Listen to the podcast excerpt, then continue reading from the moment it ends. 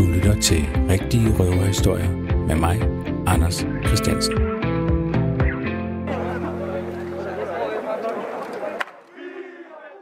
Det her det er lyden af tilhængere af fodboldklubben FC Barcelona, som invaderer Camp Nou, som er klubbens hjemmebane. De er sure, og de er kede af det. En af verdenshistoriens største spillere, Lionel Messi, er på vej væk. Måske. Vi ved det ikke, når det her program bliver optaget, om han er købt eller solgt. Han er uomtvisteligt den største spiller i Barcelonas historie. Hvad angår titler, hvad angår mål, hvad angår popularitet. Faktisk er der 400 måls forskel mellem ham og så den spiller i Barcelonas historie, der har scoret næst flest mål. 400 mål til forskel. Men nu har argentineren fået nok. Klubben tabte forleden 8-2 til Bayern München. Det var simpelthen ydmygende. Og nu vil han ikke mere. Han vil væk. Men hvad er det for en klub, han vil væk fra? Og hvorfor er det, at klubben mener, at den selv er mere end en klub? Det skal rigtige røverhistorier handler om i dag, hvor vi kigger på Barcelonas historie. Min gæst er den danske forfatter og journalist Tony Worm. Tony har blandt andet sammen med Martin Tønder skrevet bogen Den våbenløse her på sporet af FC Barcelona.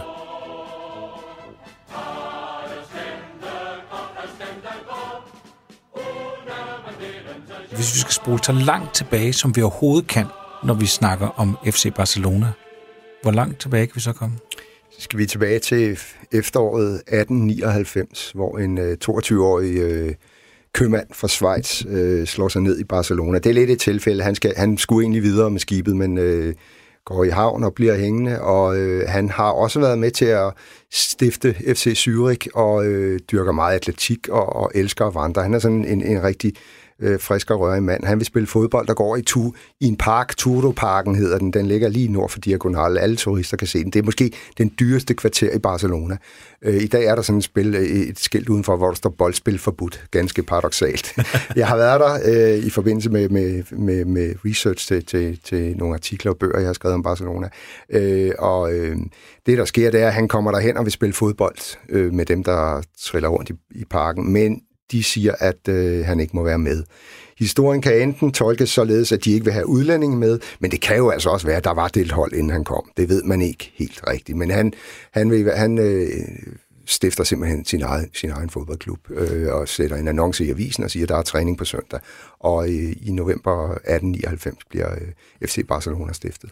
Men dem han øh, går op til, som siger, at du må ikke være med, er det en klub, eller er det bare nogen, der er tilfældigt spiller der? Ja, det er det vist nok. Det er også nogen, der bare mødes ind imellem. Ikke? Øh, der er jo en stærk øh, katalanicisme, en, en stærk øh, selvstændighedsfølelse der. Så det kan jo godt være, at, at de har følt, at vi ikke har lyst til at spille med udlændinge. Det, sådan er det udlagt af nogen i hvert fald. Mm. Men det var ikke en decideret fodboldklub, nej. Det, det, den var der ikke mange af på det tidspunkt øh, rundt omkring.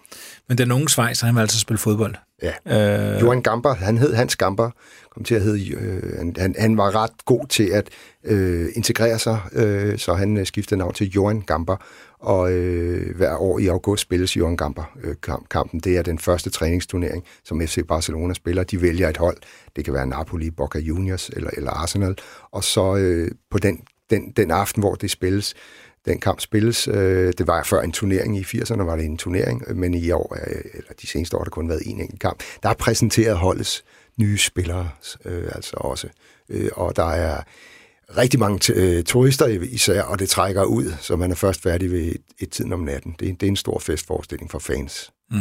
Tilbage til Gamper og til parken i 1899. Han vil altså spille fodbold, og hvad siger du, han gør? Ja, så stifter han den her klub ned, ned i en sidegade ned på Ramplan. Der holder de stiftende generalforsamling i november 1899. Og så begynder de simpelthen at spille. På det tidspunkt er der mange englændere i Spanien, og det er, og det er dem, der stifter klubberne rundt omkring. Det er derfor, de alle sammen hedder noget med Athletic eller FC. Det er jo ikke spansk, øh, men, men, og, og det er også derfor, de har de her stribede trøjer, mange af de spanske hold. Det kommer fra kostskolerne i England, eller, eller, eller de, øh, de, det stof, der var på, på de store skibe på det tidspunkt, øh, i, for, i form af sække og sejl og så videre. Øhm, og det samme sker altså her i, øh, i FC Barcelona. Den kommer til at hedde FC Barcelona, altså akkurat som var det en fodboldklub. Men, og, og mange spillerne er englænder, og man mener, at den her stribede trøje kommer fra en af spillernes øh, kostskoler, øh, kostskoleslipset. Ikke? Mm. En anden historie kan være, at øh, FC Zürich spiller jo i samme farve, så det kan godt være, at, at øh, Gamba har sagt, at vi skal bare have det samme, den samme farve som, som mit, mit, hjem, mit hjemhold, ikke? altså hjembyens hold. Øh, det ved man ikke. Men i hvert fald så begynder de så småt at spille turneringer mod andre hold i, i byen og i omegnen. Der er jo ikke nogen liga på det tidspunkt. Den bliver først stiftet i 1929. Men man spiller mere og mere mod hinanden, også på tværs af regioner, øh, pokalturneringer osv. Øh, men det går nu ikke så godt. Altså, i, i 1908 er klubben på, på randen af kon- konkurs.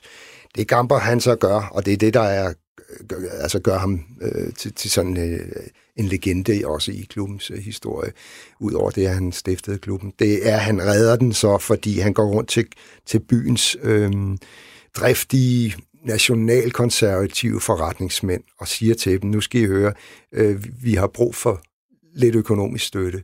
Til gengæld lover vi at spille fodboldkampe mod en masse nordeuropæiske klubber, og det på det tidspunkt er, er, er Katalonien, særligt Barcelona, driftig, vital, og de har, de har deres egen kultur i form af Art Nouveau, det hedder modernisme dernede, de har Gaudi, de har en masse øh, velhavende købmænd, der kommer hjem fra Cuba og, og slår sig ned i Barcelona. De er anderledes end resten af Spanien i egne øjne, og de vil gerne vende blikket nordpå mod Europa øh, og handle med dem, for de føler sig lidt mere sofistikerede. Øh, og, og det kan Gamper så ligesom tilbyde dem, at, at vi, altså, vi bliver en del af Nordeuropa, hvor der jo bliver spillet fodbold. Det gør der ikke så meget sydpå mm. øh, i Sydspanien. Og det han også gør, og det er bemærkelsesværdigt, det er, at han, han går rundt og taler med de her folk på katalansk. Altså han taler katalansk med dem dem, der har prøvet at lære katalansk, ved, hvor svært det er. Det er noget, som klubben går op i og siger, at det, det skal de lære. Der er ingen, der er ingen øh, udenlandske spillere, tror jeg, der har lært katalansk. Ronaldinho sagde, at han ville lære det. Michael Laudrup har gav op med det samme. Altså, det er et meget svært sprog, og der er heller ingen... I, for så vidt er der ingen grund til at lære det, hvis man kan spansk også som udlænding, så klarer man sig fint. Men altså, det gjorde han, og det, kunne de, det appellerede til, til, til de her forretningsfolk. Så allerede der kommer der en forbindelse til byen, som er stærk. Altså, der, der er folk, der har interesse i, at den her klub øh, vokser så stærk og bliver et symbol og, og gør sig godt udad til. Mm. Øh, og det er altså allerede i, i 1908. Og så i 1919 sker der det virkelig vigtige. Der øh, bliver der skrevet under fra klubbens side på et krav om, at Katalonien skal være selvstændig. Så der træder man altså i karakter, melder toner ren flag og siger, vi, vi vil gerne have et selvstændigt, øh, et selvstændigt øh, land, og, øh, og, og der bliver klubben en del af den nationale historie, så at sige, fra dag og det skal jeg lige forstå, fordi det, det, det er klart, og det, det, det er jo øh, centralt i forhold til at forstå både klubben Barcelona og byen Barcelona og området Katalonien. Det er jo hele tiden den her løsrivelsesdrøm i forhold til resten af Spanien. Det tror jeg, de fleste øh, nok øh, kender til. Og det er også derfor, at når man så ser El Clasico, Real Madrid og Barcelona, at det er jo også det, man, altså det er jo mere end en, en fodboldkamp. Der er jo så meget på spil i de her kampe netop, fordi det er kongebyen mod ja. de her, øh, der ligger op i, i det nordlige Spanien her.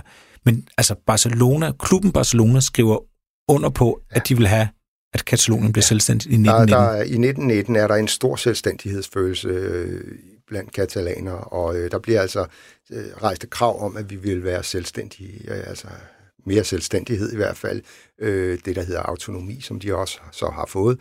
Øhm, og det er Barcelona medunderskriver på, i modsætning til den anden klub, de har i byen Espanyol, som navnet jo siger er for spaniere. Ikke? Så, så, så der er mange ting, der bliver grund, eller støbt der af mange af de spændinger, vi ser i dag også.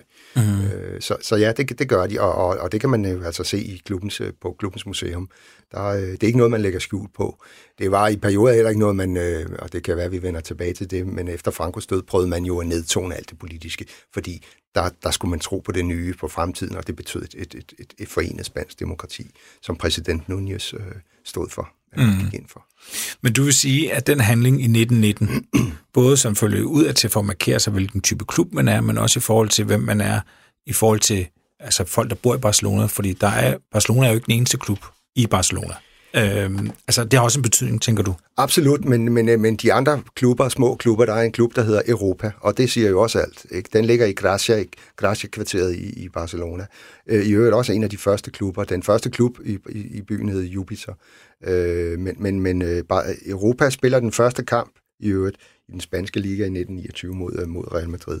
Øh, så der, der er generelt i byen en, en, en, en trang til at øh, adskille sig en smule fra, fra resten af Spanien. Også fordi man har den her stærke kultur. Nu nævnte jeg Gaudi og, og modernismen.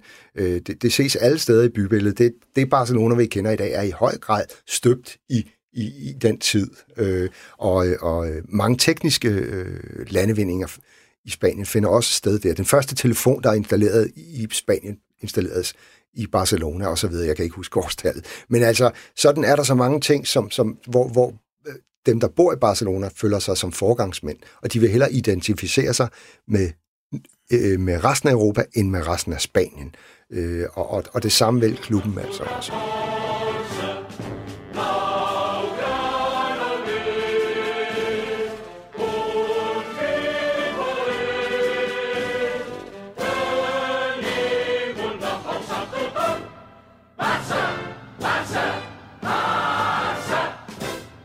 Barcelona er jo i dag, øh, altså uden tvivl, altså jeg siger jo bare Barcelona, jeg mener jo FC Barcelona, altså klubben ja, FC Barcelona er, er jo den største klub i Barcelona, men det er den jo ikke, altså det, det, hvordan bliver den det, og hvorfor?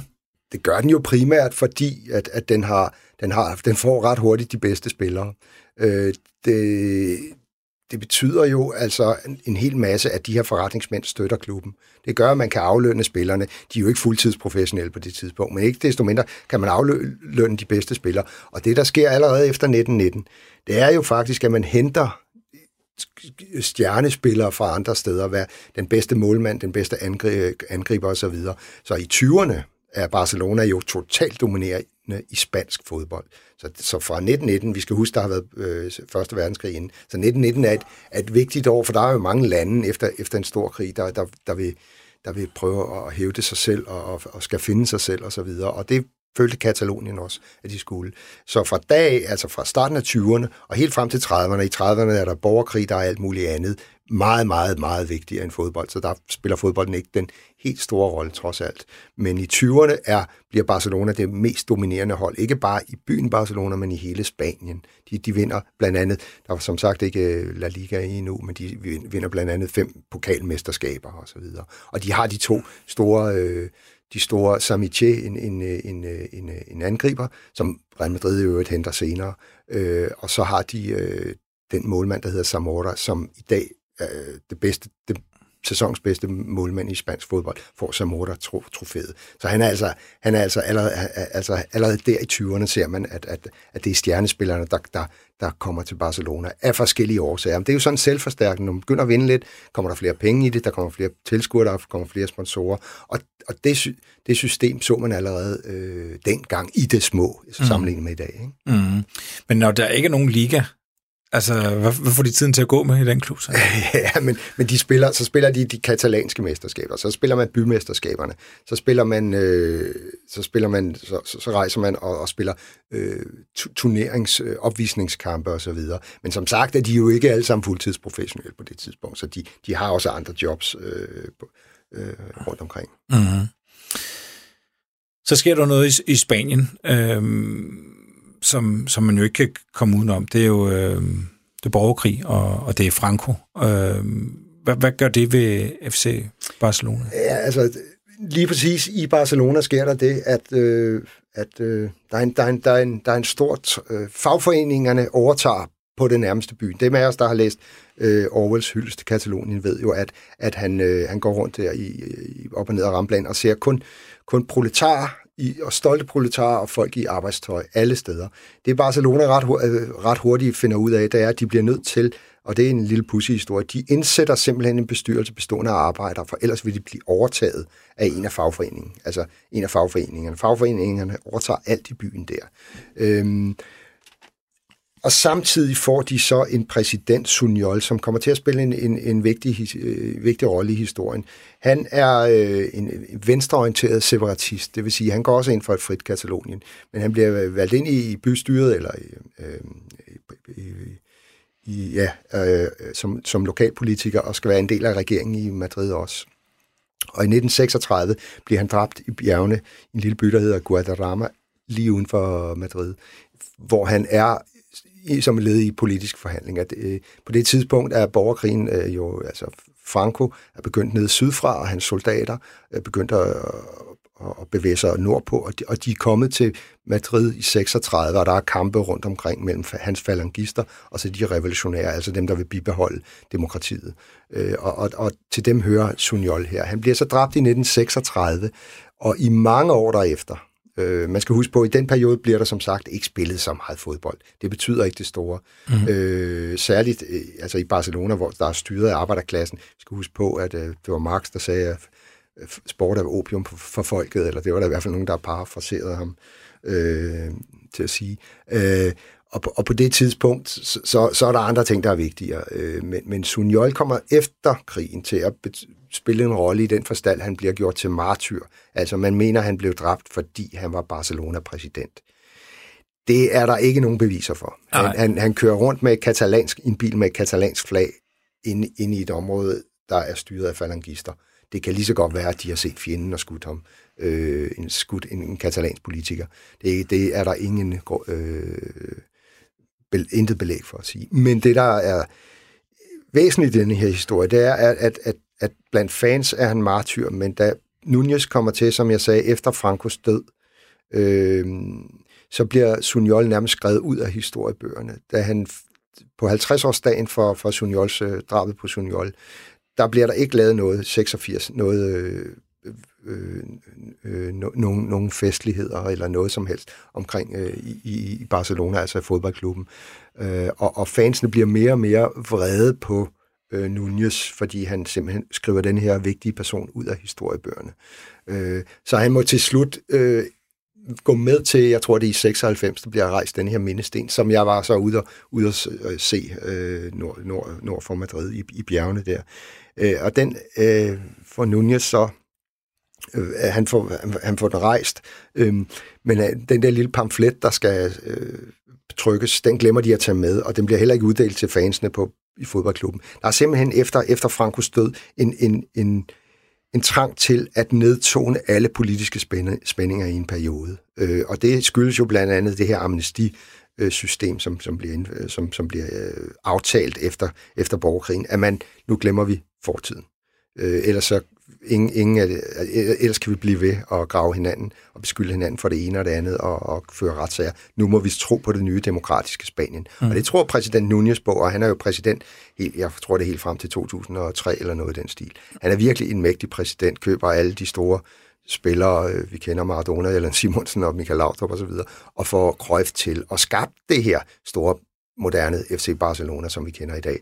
Men det er altså på bekostning af nogle historiske fortællinger, som i den grad har været og stadig er en del af, af Barcelonas uh, sjæl. Mm. FC Barcelonas sjæl. Ja, ja, og vi kommer bare til at sige Barcelona ja, det gør vi nok. Ja, gør det. men, men altså, men alligevel, man kan jo ikke lade være med at tænke på, at så når man ser El Clasico for eksempel, altså opgøret mellem Real Madrid ja. og FC Barcelona, og Real Madrid var jo Frankos hold. Øh, diktatoren Franco var jo knyttet til, til Real Madrid.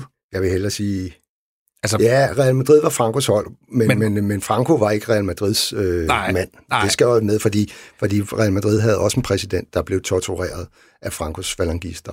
De havde også en, en, en, en øh, vicepræsident, der blev dræbt.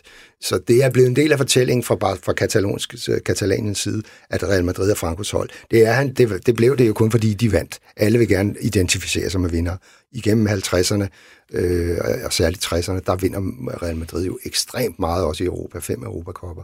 Og der vil Franco jo selvfølgelig gerne være med, fordi han vil gerne promovere sit land som et, som et, som et øh, dynamisk og sejrigt, øh, en sejrig nation. Det er jo en vigtig nuance, Tony. Absolut. Ja, fordi, ja. Øh, fordi jeg kender jo fortællinger om, at, at Franco ja. og Madrid er, er, er, er, er bondkammerater. Ikke? Ja, ja, men hvis der er nogen, der er bondkammerater, ikke med Franco interesserer sig i øvrigt ikke særlig meget for sport, det skal lige med, men han interesserer sig jo for vinder. Øh, men hvis der er en klub i Spanien, der var i starten tæt knyttet til Francos soldater eller, eller her, så er det jo Atletico Madrid. Det er den gamle flyvevåbensklub.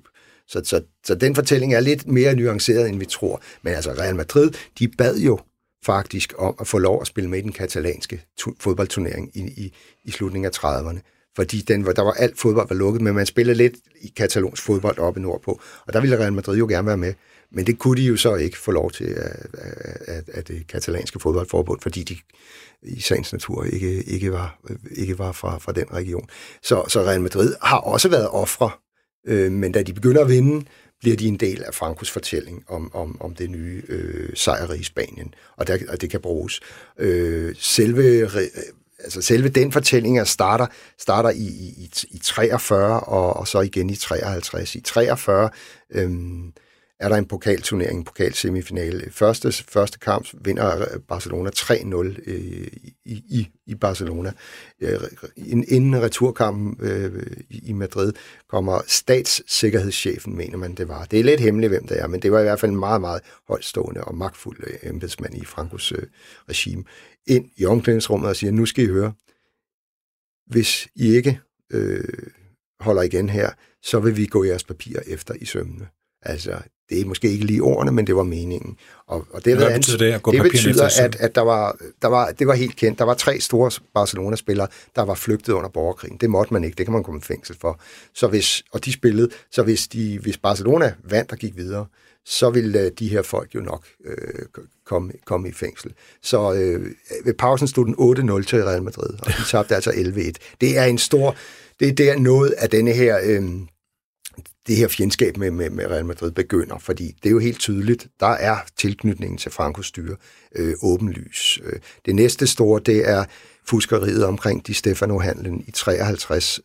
På det tidspunkt er Barcelona meget, meget dygtige. De har øh, Kubala som stjernespilleren, som de har købt fra Ungarn. Øh, de får så også øh, skrevet under med Di Stefano, der kommer fra Argentina, øh, måske verdenshistoriens, en af verdenshistoriens største spillere. Kontrakten er på plads, men den bliver simpelthen erklæret ugyldig øh, fra det spanske fodboldforbunds side, og de har til huse i, i Madrid selvfølgelig. Det, det kunne man ikke have, at, at der var så store, så, så, så store, to så store spillere på det samme hold, mente de. Så de foreslår Barcelona, at Di Stefano spiller en sæson i Real Madrid, en sæson i Barcelona, en sæson i Real Madrid, og så fremdeles. Men, men det vil jo Barcelona ikke være med til, fordi de har jo kontrakt på ham. Han er endda, han har tre måneder befundet sig i, i Barcelona, spillet træningskampe for dem osv. Men ikke desto mindre må, må, må, bliver, bliver øh, sagen simpelthen øh, øh, ender sagen med, at, at Di Stefano kommer til Real Madrid. Og for dag er Real Madrid simpelthen dominerende i, i spansk og europæisk fodbold i en overrække. Så der begynder man at se, okay, det er jo ikke kun noget, vi går og snakker om her, det er helt reelt. Regeringen, eller øh, diktator, diktatorregimet øh, i, i, i øh, Madrid blander sig simpelthen i fodbolden. Vi må ikke blive for for stærke. Samtidig efter borgerkrigen er der indsat en bestyrelse i, i FC Barcelona, øh, som er godkendt af, af, af Frankos øh, regime. Så der, der, der, der bliver simpelthen lagt låg på, på alle de her øh, katalanske følelser, som ellers måtte plusse op på stadion, og, og også gjorde os i 20'erne og så videre.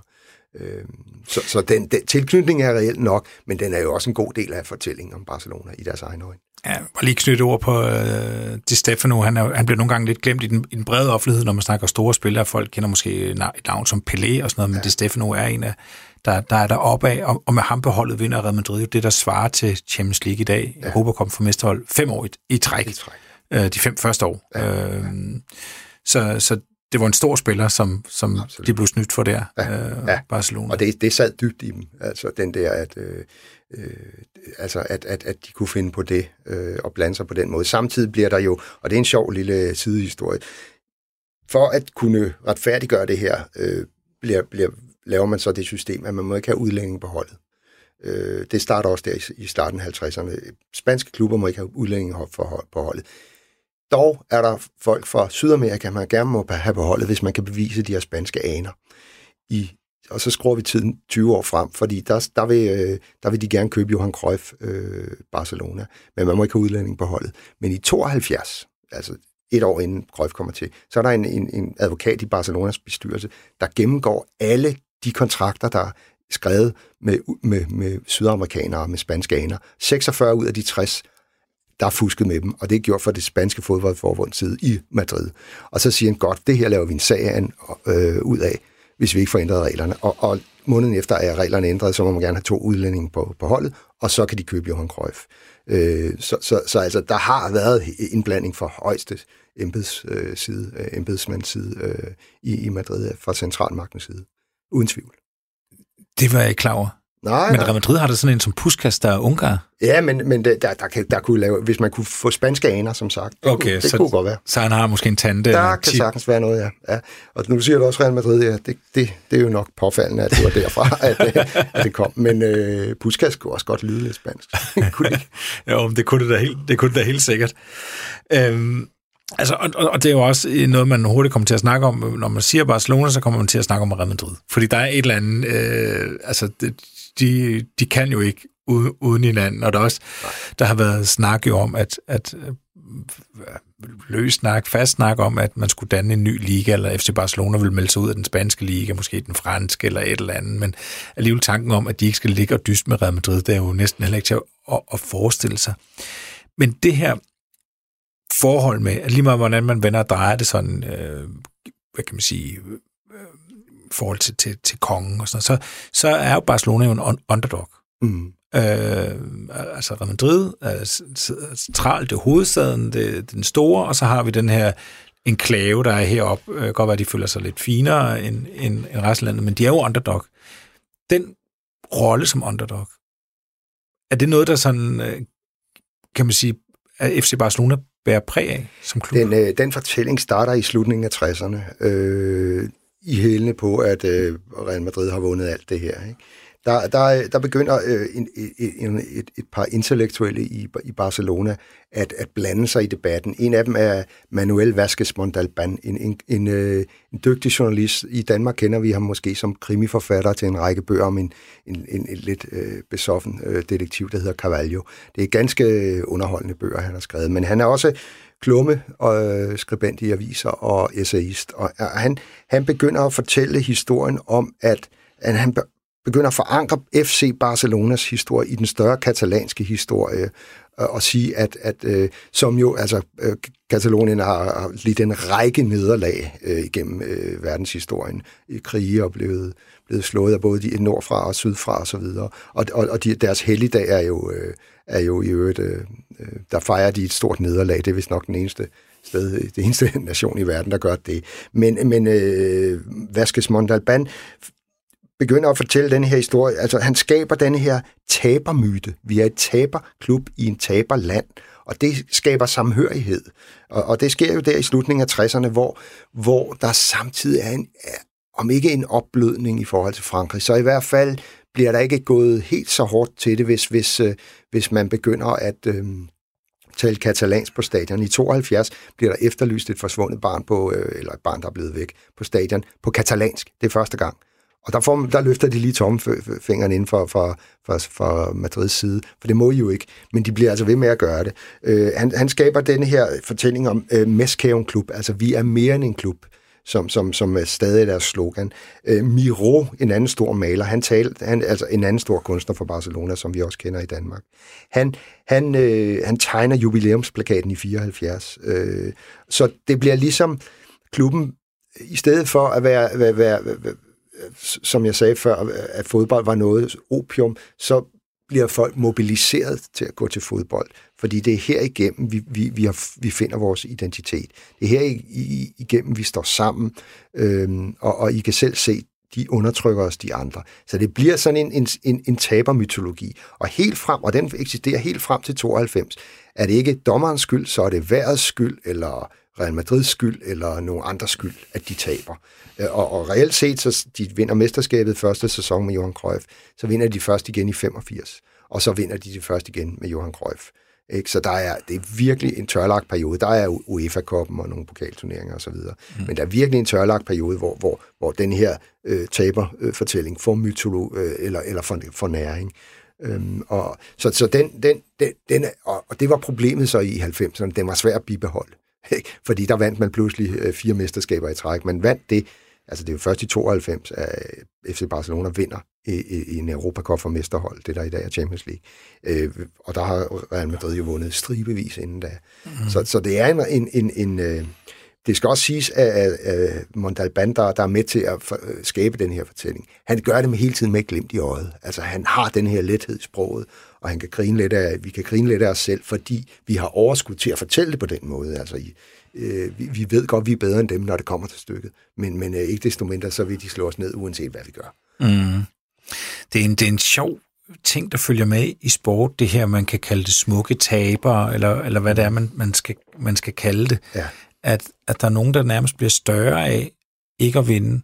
Øh, man ser det lidt i... Øh, øh, især i fodbold, altså Holland 74, det her berømte fodbold med, med Cruyff, der netop ikke vandt finalen, ja. men nærmest er blevet mere mytologisk af ikke at vinde. Ja, ja. En bestemt ja. Øh, Brasilien snakker man også om i 82 i Spanien, der også har et fremragende hold, og som alligevel øh, taber. Ja. Man kan tage Danmark, Danmark i 86, 86. Øh, øh, i Mexico, som jo egentlig kun vinder tre kampe, ja. øh, men alligevel er et, som jeg har set en enkelt journalist skrive en bog om det danske hold. Ja.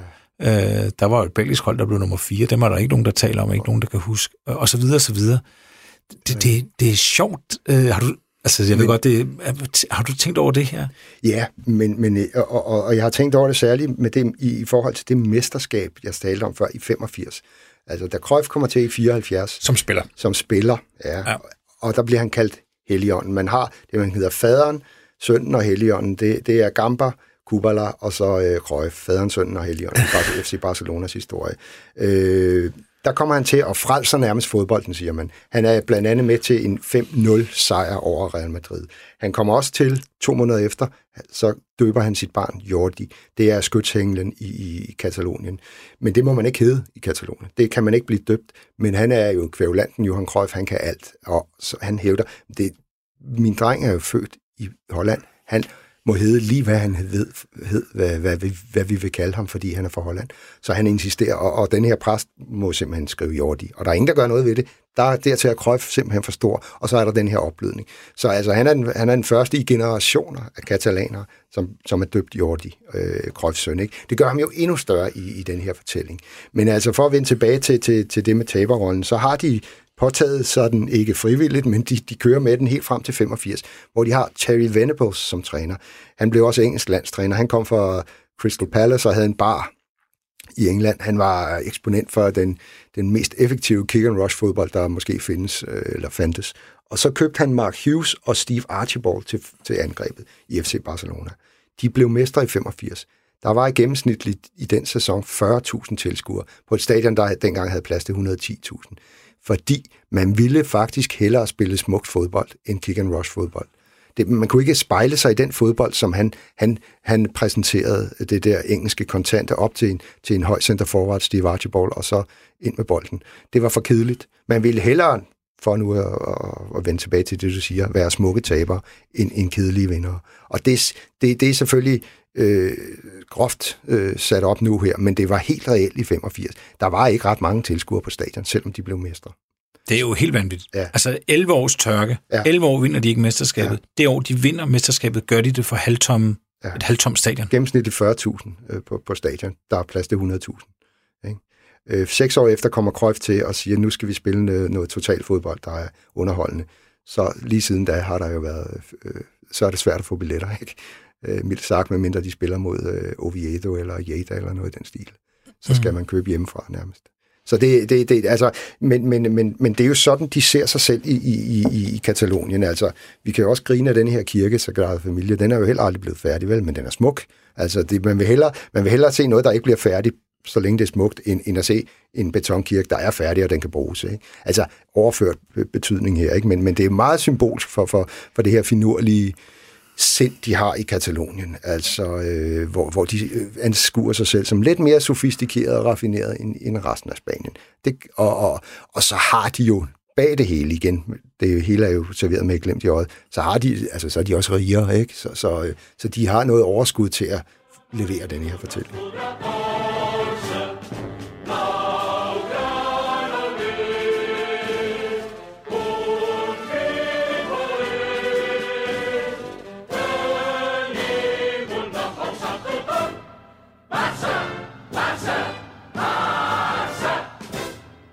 Der er, jo, der er jo mange, man prøver tit, både med nationalitet, altså land, men også klubber på en eller anden måde, og ud fra den måde, de spiller på, kan man så afspejle folkekarakteren. Ja, ja. Og nogle gange er det jo næsten racistisk, den måde, man, man får det gjort på. Ikke? Man ser det til, når der er afrikansk hold med til VM, ja. så kommer man jo indirekte til sin masse ting, fordomme om afrikaner med de doven eller urken. Ja, ja. Altså virkelig, man kan gøre det meget uheldigt. Ja, det øh, og man kan også komme til simpelthen at lave nogle, altså, at det simpelthen bare ikke er rigtigt. Ja. Øh, de fordomme har, nu følger jeg selv brasiliansk fodbold, og der er jo en masse fordomme om, at de alle sammen har spillet ned på stranden. Og hvis man kender til brasiliansk fodbold, så har de nogle virkelig hårde fodboldskoler, ja. hvor de træner rigtigt og spiller ja. rigtig fodbold. Altså det er ikke sådan, Nej. de bare fløjter ned på stranden, vel? Og de scorer faktisk mange mål på hovedstød efter hjørne, så man ikke forbinder brasiliansk fodbold med at score på den måde. Ja. Det er bare et eksempel. Ikke? Ja. Men med Barcelona, der siger du alligevel, der er noget... Altså, så... øh, det, det der sker, og her, her får vi så en dansker ind i historien, og det, det er lidt spændende. Øh, vi, da, da Martin Tønder og jeg skrev en bog, der hed Den Våbenløse her, om historien om FC Barcelona, øh, set i skæret af den historiske udvikling i Spanien, der mødte vi ham, der hedder Carlos, Carlos uh, Rachac, som var Cruyffs uh, assistent. Han var også en, en stor spiller på 70'er-holdet. Uh, og øh, kom på hold med Allan Simonsen. Øh, Allan Simonsen bliver købt til Barcelona der, øh, efter, efter han bliver Europas bedste spiller, og spiller to-tre år der. Og, øh, han vinder UEFA-koppen, øh, og med FC Barcelona, og, og de køber Maradona bagefter. Og det var en periode, som var domineret af benhårde, stærke, øh, baskiske spillere, og tyske spillere. Og som Carlos Rajak siger, vi kunne købe, hvem vi ville i den her klub. Vi kunne købe alle de store, øh, Karl-Heinz Rummenigge, øh, eller, eller, eller, eller en af de høje øh, øh, baskere. Men vi vælger efter, fordi folk de finder ud af, folk elsker Simonet, som han hed, sad bliver kaldt, Allen Simonsen, øh, og de elsker Mar- Maradona. Øh, så vi vælger, okay, det er her, vi grundlægger denne her spillestil med de små vævre spillere op foran. Det er noget, vores fans kan lide. Det er en måde, vi kan, vi, vi, vi, vi kan, vi kan promovere os selv og vores fortælling øh, på. Og, og fra dag af begynder man at satse på øh, små spillere. Og Jacques siger det lige ud i vores bog. Havde vi ikke haft Allan Simonsen, havde vi heller ikke haft Messi. Øh, og så der er en lige linje der. Oh. Xavi, øh, Iniesta, de er alle sammen små væverspillere, men Simonsen blev så populær, at det var noget, de satte på. Og det samme med Maradona. Nej, sportsligt set var Maradona ikke en, en, en, en, en stor en stor succes, men han var meget populær på banen, og de kunne se, hvad han kunne. Øh, og, og som Jorge Valdano, som var sportsdirektør i Real Madrid på det tidspunkt, vi talte med ham, sagde, øh, Maradonas bedste øh, periode som spiller, det var de år, han var i FC Barcelona. Men det så man jo ikke rigtigt, for han var skadet noget af tiden. Men når han, når han brillerede, så var det altså øh, fænomenalt godt. Øh, så så det, var en, det, var, det var noget, de kunne lide at spejle sig i. Og så kommer Steve Archibald jo senere, øh, som jeg sagde her, og ham, ham kunne de ikke rigtig øh, mm. lide. Omvendt, Omvendt over i, øh, som du sagde, der, altså man skal kunne spejle sig i den måde, ens fodboldhold spiller. Øh, netop i, i Baskerlandet, øh, der kan de godt lide at have en enormt stærk, stor og stærk øh, angriber, som de kan spille bolden op til. Næsten alle de store baskiske hold, øh, Atletic Bilbao og øh, Real Sociedad for eksempel, de har en, en høj angriber op foran. Øh, Morten Skovbo var i Real Sociedad nogle år, og han var altså populær dernede, fordi han, han kunne tage bolden til sig, tæmme den og, og spille den videre. Altså, det er bare op til bolden med den højeste, ikke? og så enten på hovedet eller noget andet. Og det er jo fordi, deroppe, der har man en lidt mere, vi, ja, vi skal ikke kalde det primitiv, men kontantkultur måske. Altså, man skal overleve mange af dem er bønder, og deres sportsgren er jo også sådan noget stærkmandskonkurrence her og der alle vegne. Så det er en anden måde at, at spille fodbold på, men det afspejler kulturen i, i regionen. Mm. Og det ser man altså også i, i, i den grad i, øh, i øh, FC Barcelona, hvor man, hvor man skal spille på en, på en vis måde. Det skal selvfølgelig udvikle sig, men altså, øh, det er Cruyff øh, skabte med, i, på baggrund af totalfodbolden, altså presfodbold, og alle skal kunne have bolden øh, fremme. Det er videreudviklet og forfinet, forædlet øh, Pep Guardiola jo.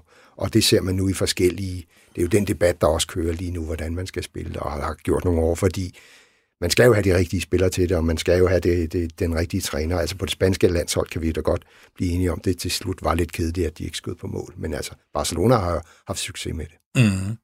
At den, den spillestil og den type spillere, øh, små væver, teknisk dygtige spillere, man kan sige, der, der topper Barcelona øh, et eller andet sted, blandt andet i 2010, hvor de har øh, Messi, Xavi, Iniesta, der bliver nummer 1, 2 og 3, da man skal uddele Ballon d'Or, altså mm. den her prisen til årets bedste fodboldspiller, og som alle sammen er fra det her Barcelona-akademi, altså deres eget... La Masia. Ja. La Masia, deres egen avl, så at sige. Der kan man sige, der, der, der er det jo en magtdemonstration.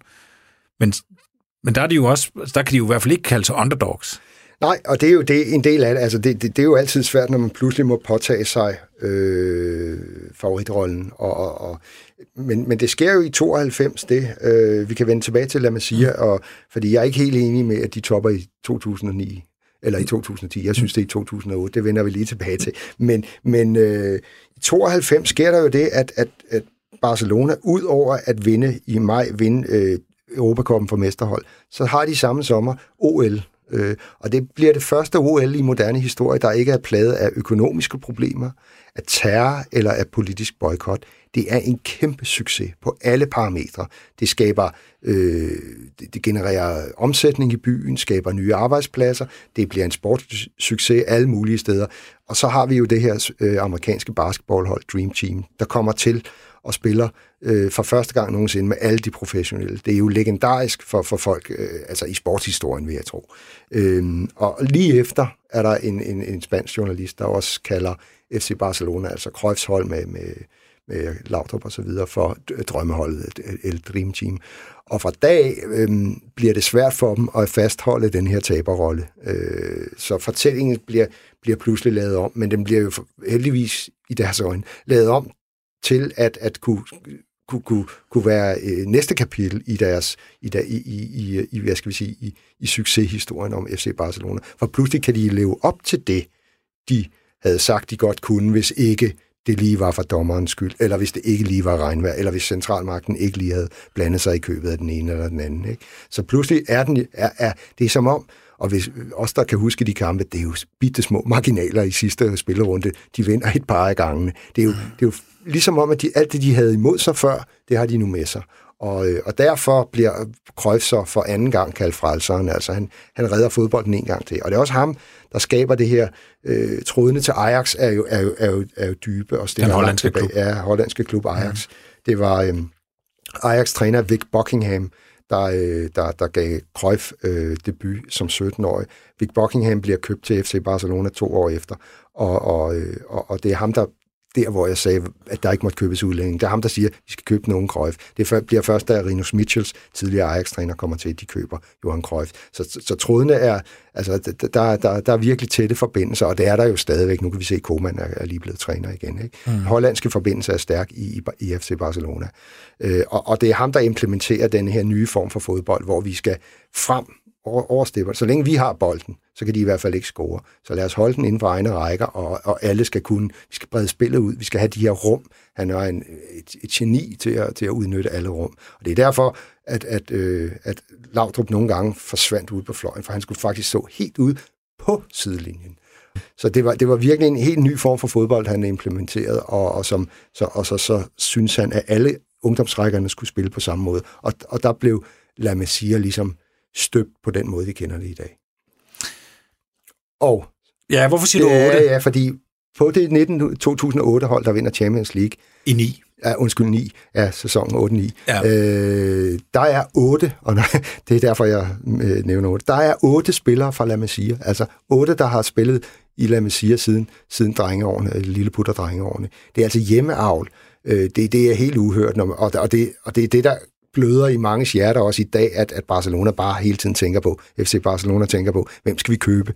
Nej, kig nedad, I har, og det har de. De har reelt mange gode spillere, også i dag, lige under det der. Og hvem ved, hvis de fik chancen, hvor gode de kunne blive. Nogle af dem er kommet til andre klubber og, og blevet ret gode. Så prøver Barcelona, FC Barcelona at købe dem hjem igen. Det går ikke. Det for lave blandt andet. Ikke? Øh, mm. men, men, øh, men altså, øh, det gør, det gør lidt ondt, at man hele tiden tænker på, om man skal købe Mbappé eller, eller en anden en, når man, når man måske kunne lige kigge nedad, som, som både Cruyff og øh, Guardiola har gjort. Øh, det, det, det synes jeg er lidt ærgerligt, men altså, det er en anden historie. Whatever you need, a fireman, Messi's the man to call. Astonishing hit. The placement is emphatic. The power. 1.21 gigawatt. Der har jo været mange store spillere igennem den her klub. Altså, du har nævnt Krøj flere gange, som er den kæmpe hollandske stjerne. Der er Maradona, der er jo ham, vi i dag kalder fede Ronaldo, gamle Ronaldo, ja, ja. brasilianeren. Der har været Romario, der har været Laudrup, der har været Rivaldo, der har været Ronaldinho af store udenlandske øh, stjerner. Der har været et hav. Lige meget, hvor mange der har været af de her, så er der en, der hedder Lionel Messi. Og når man kigger bare helt sådan djøf på statistikker, han har ikke flest kampe for Barcelona, det har Xavi, men det, han, havde fået, han får det, hvis han bliver en sæson mere så bliver han den, der har spillet flest kampe for Barcelona. Han er uden tvivl den, der har scoret flest mål. Altså, der er, han har scoret officielle mål, han har scoret 634 mål for Barcelona. Den, der har scoret næstmest, er en, der hedder Cesar tilbage i 40'erne og 50'erne. Du kender ham sikkert. Øh, som har scoret 232. Altså, der er mere end 400 måls forskel. 400 måls forskel fra nummer 1 til 2. Altså, hvis du kigger under klubrekorder i Barcelona, Flest mål i El Clasico.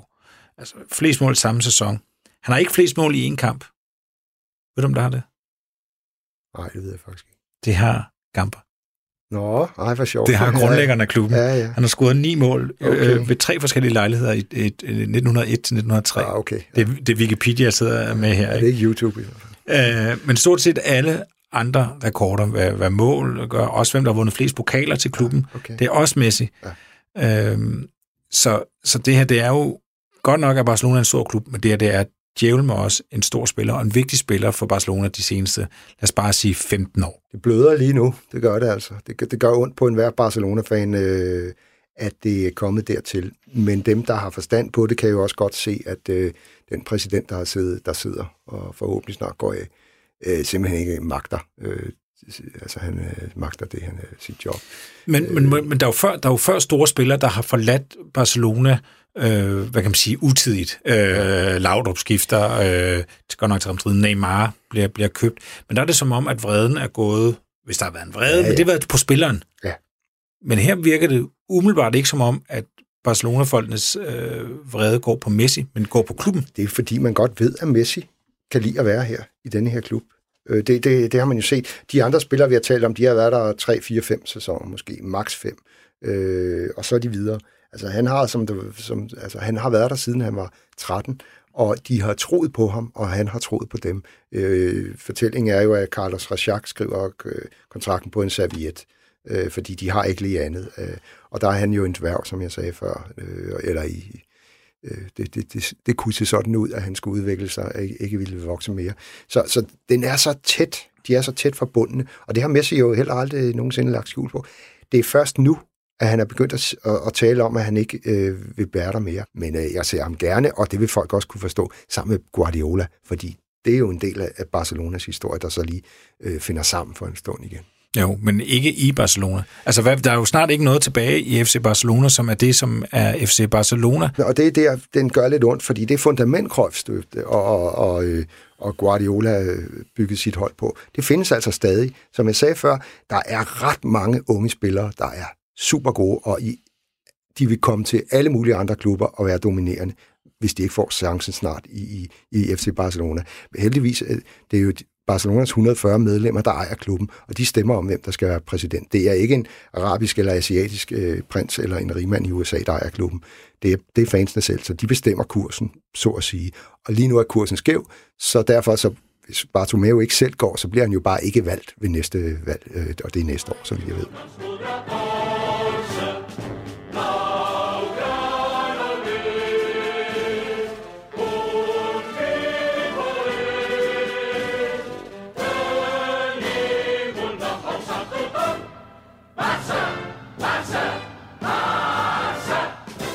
Min gæst i dag, det var Tony Worm, journalist og forfatter.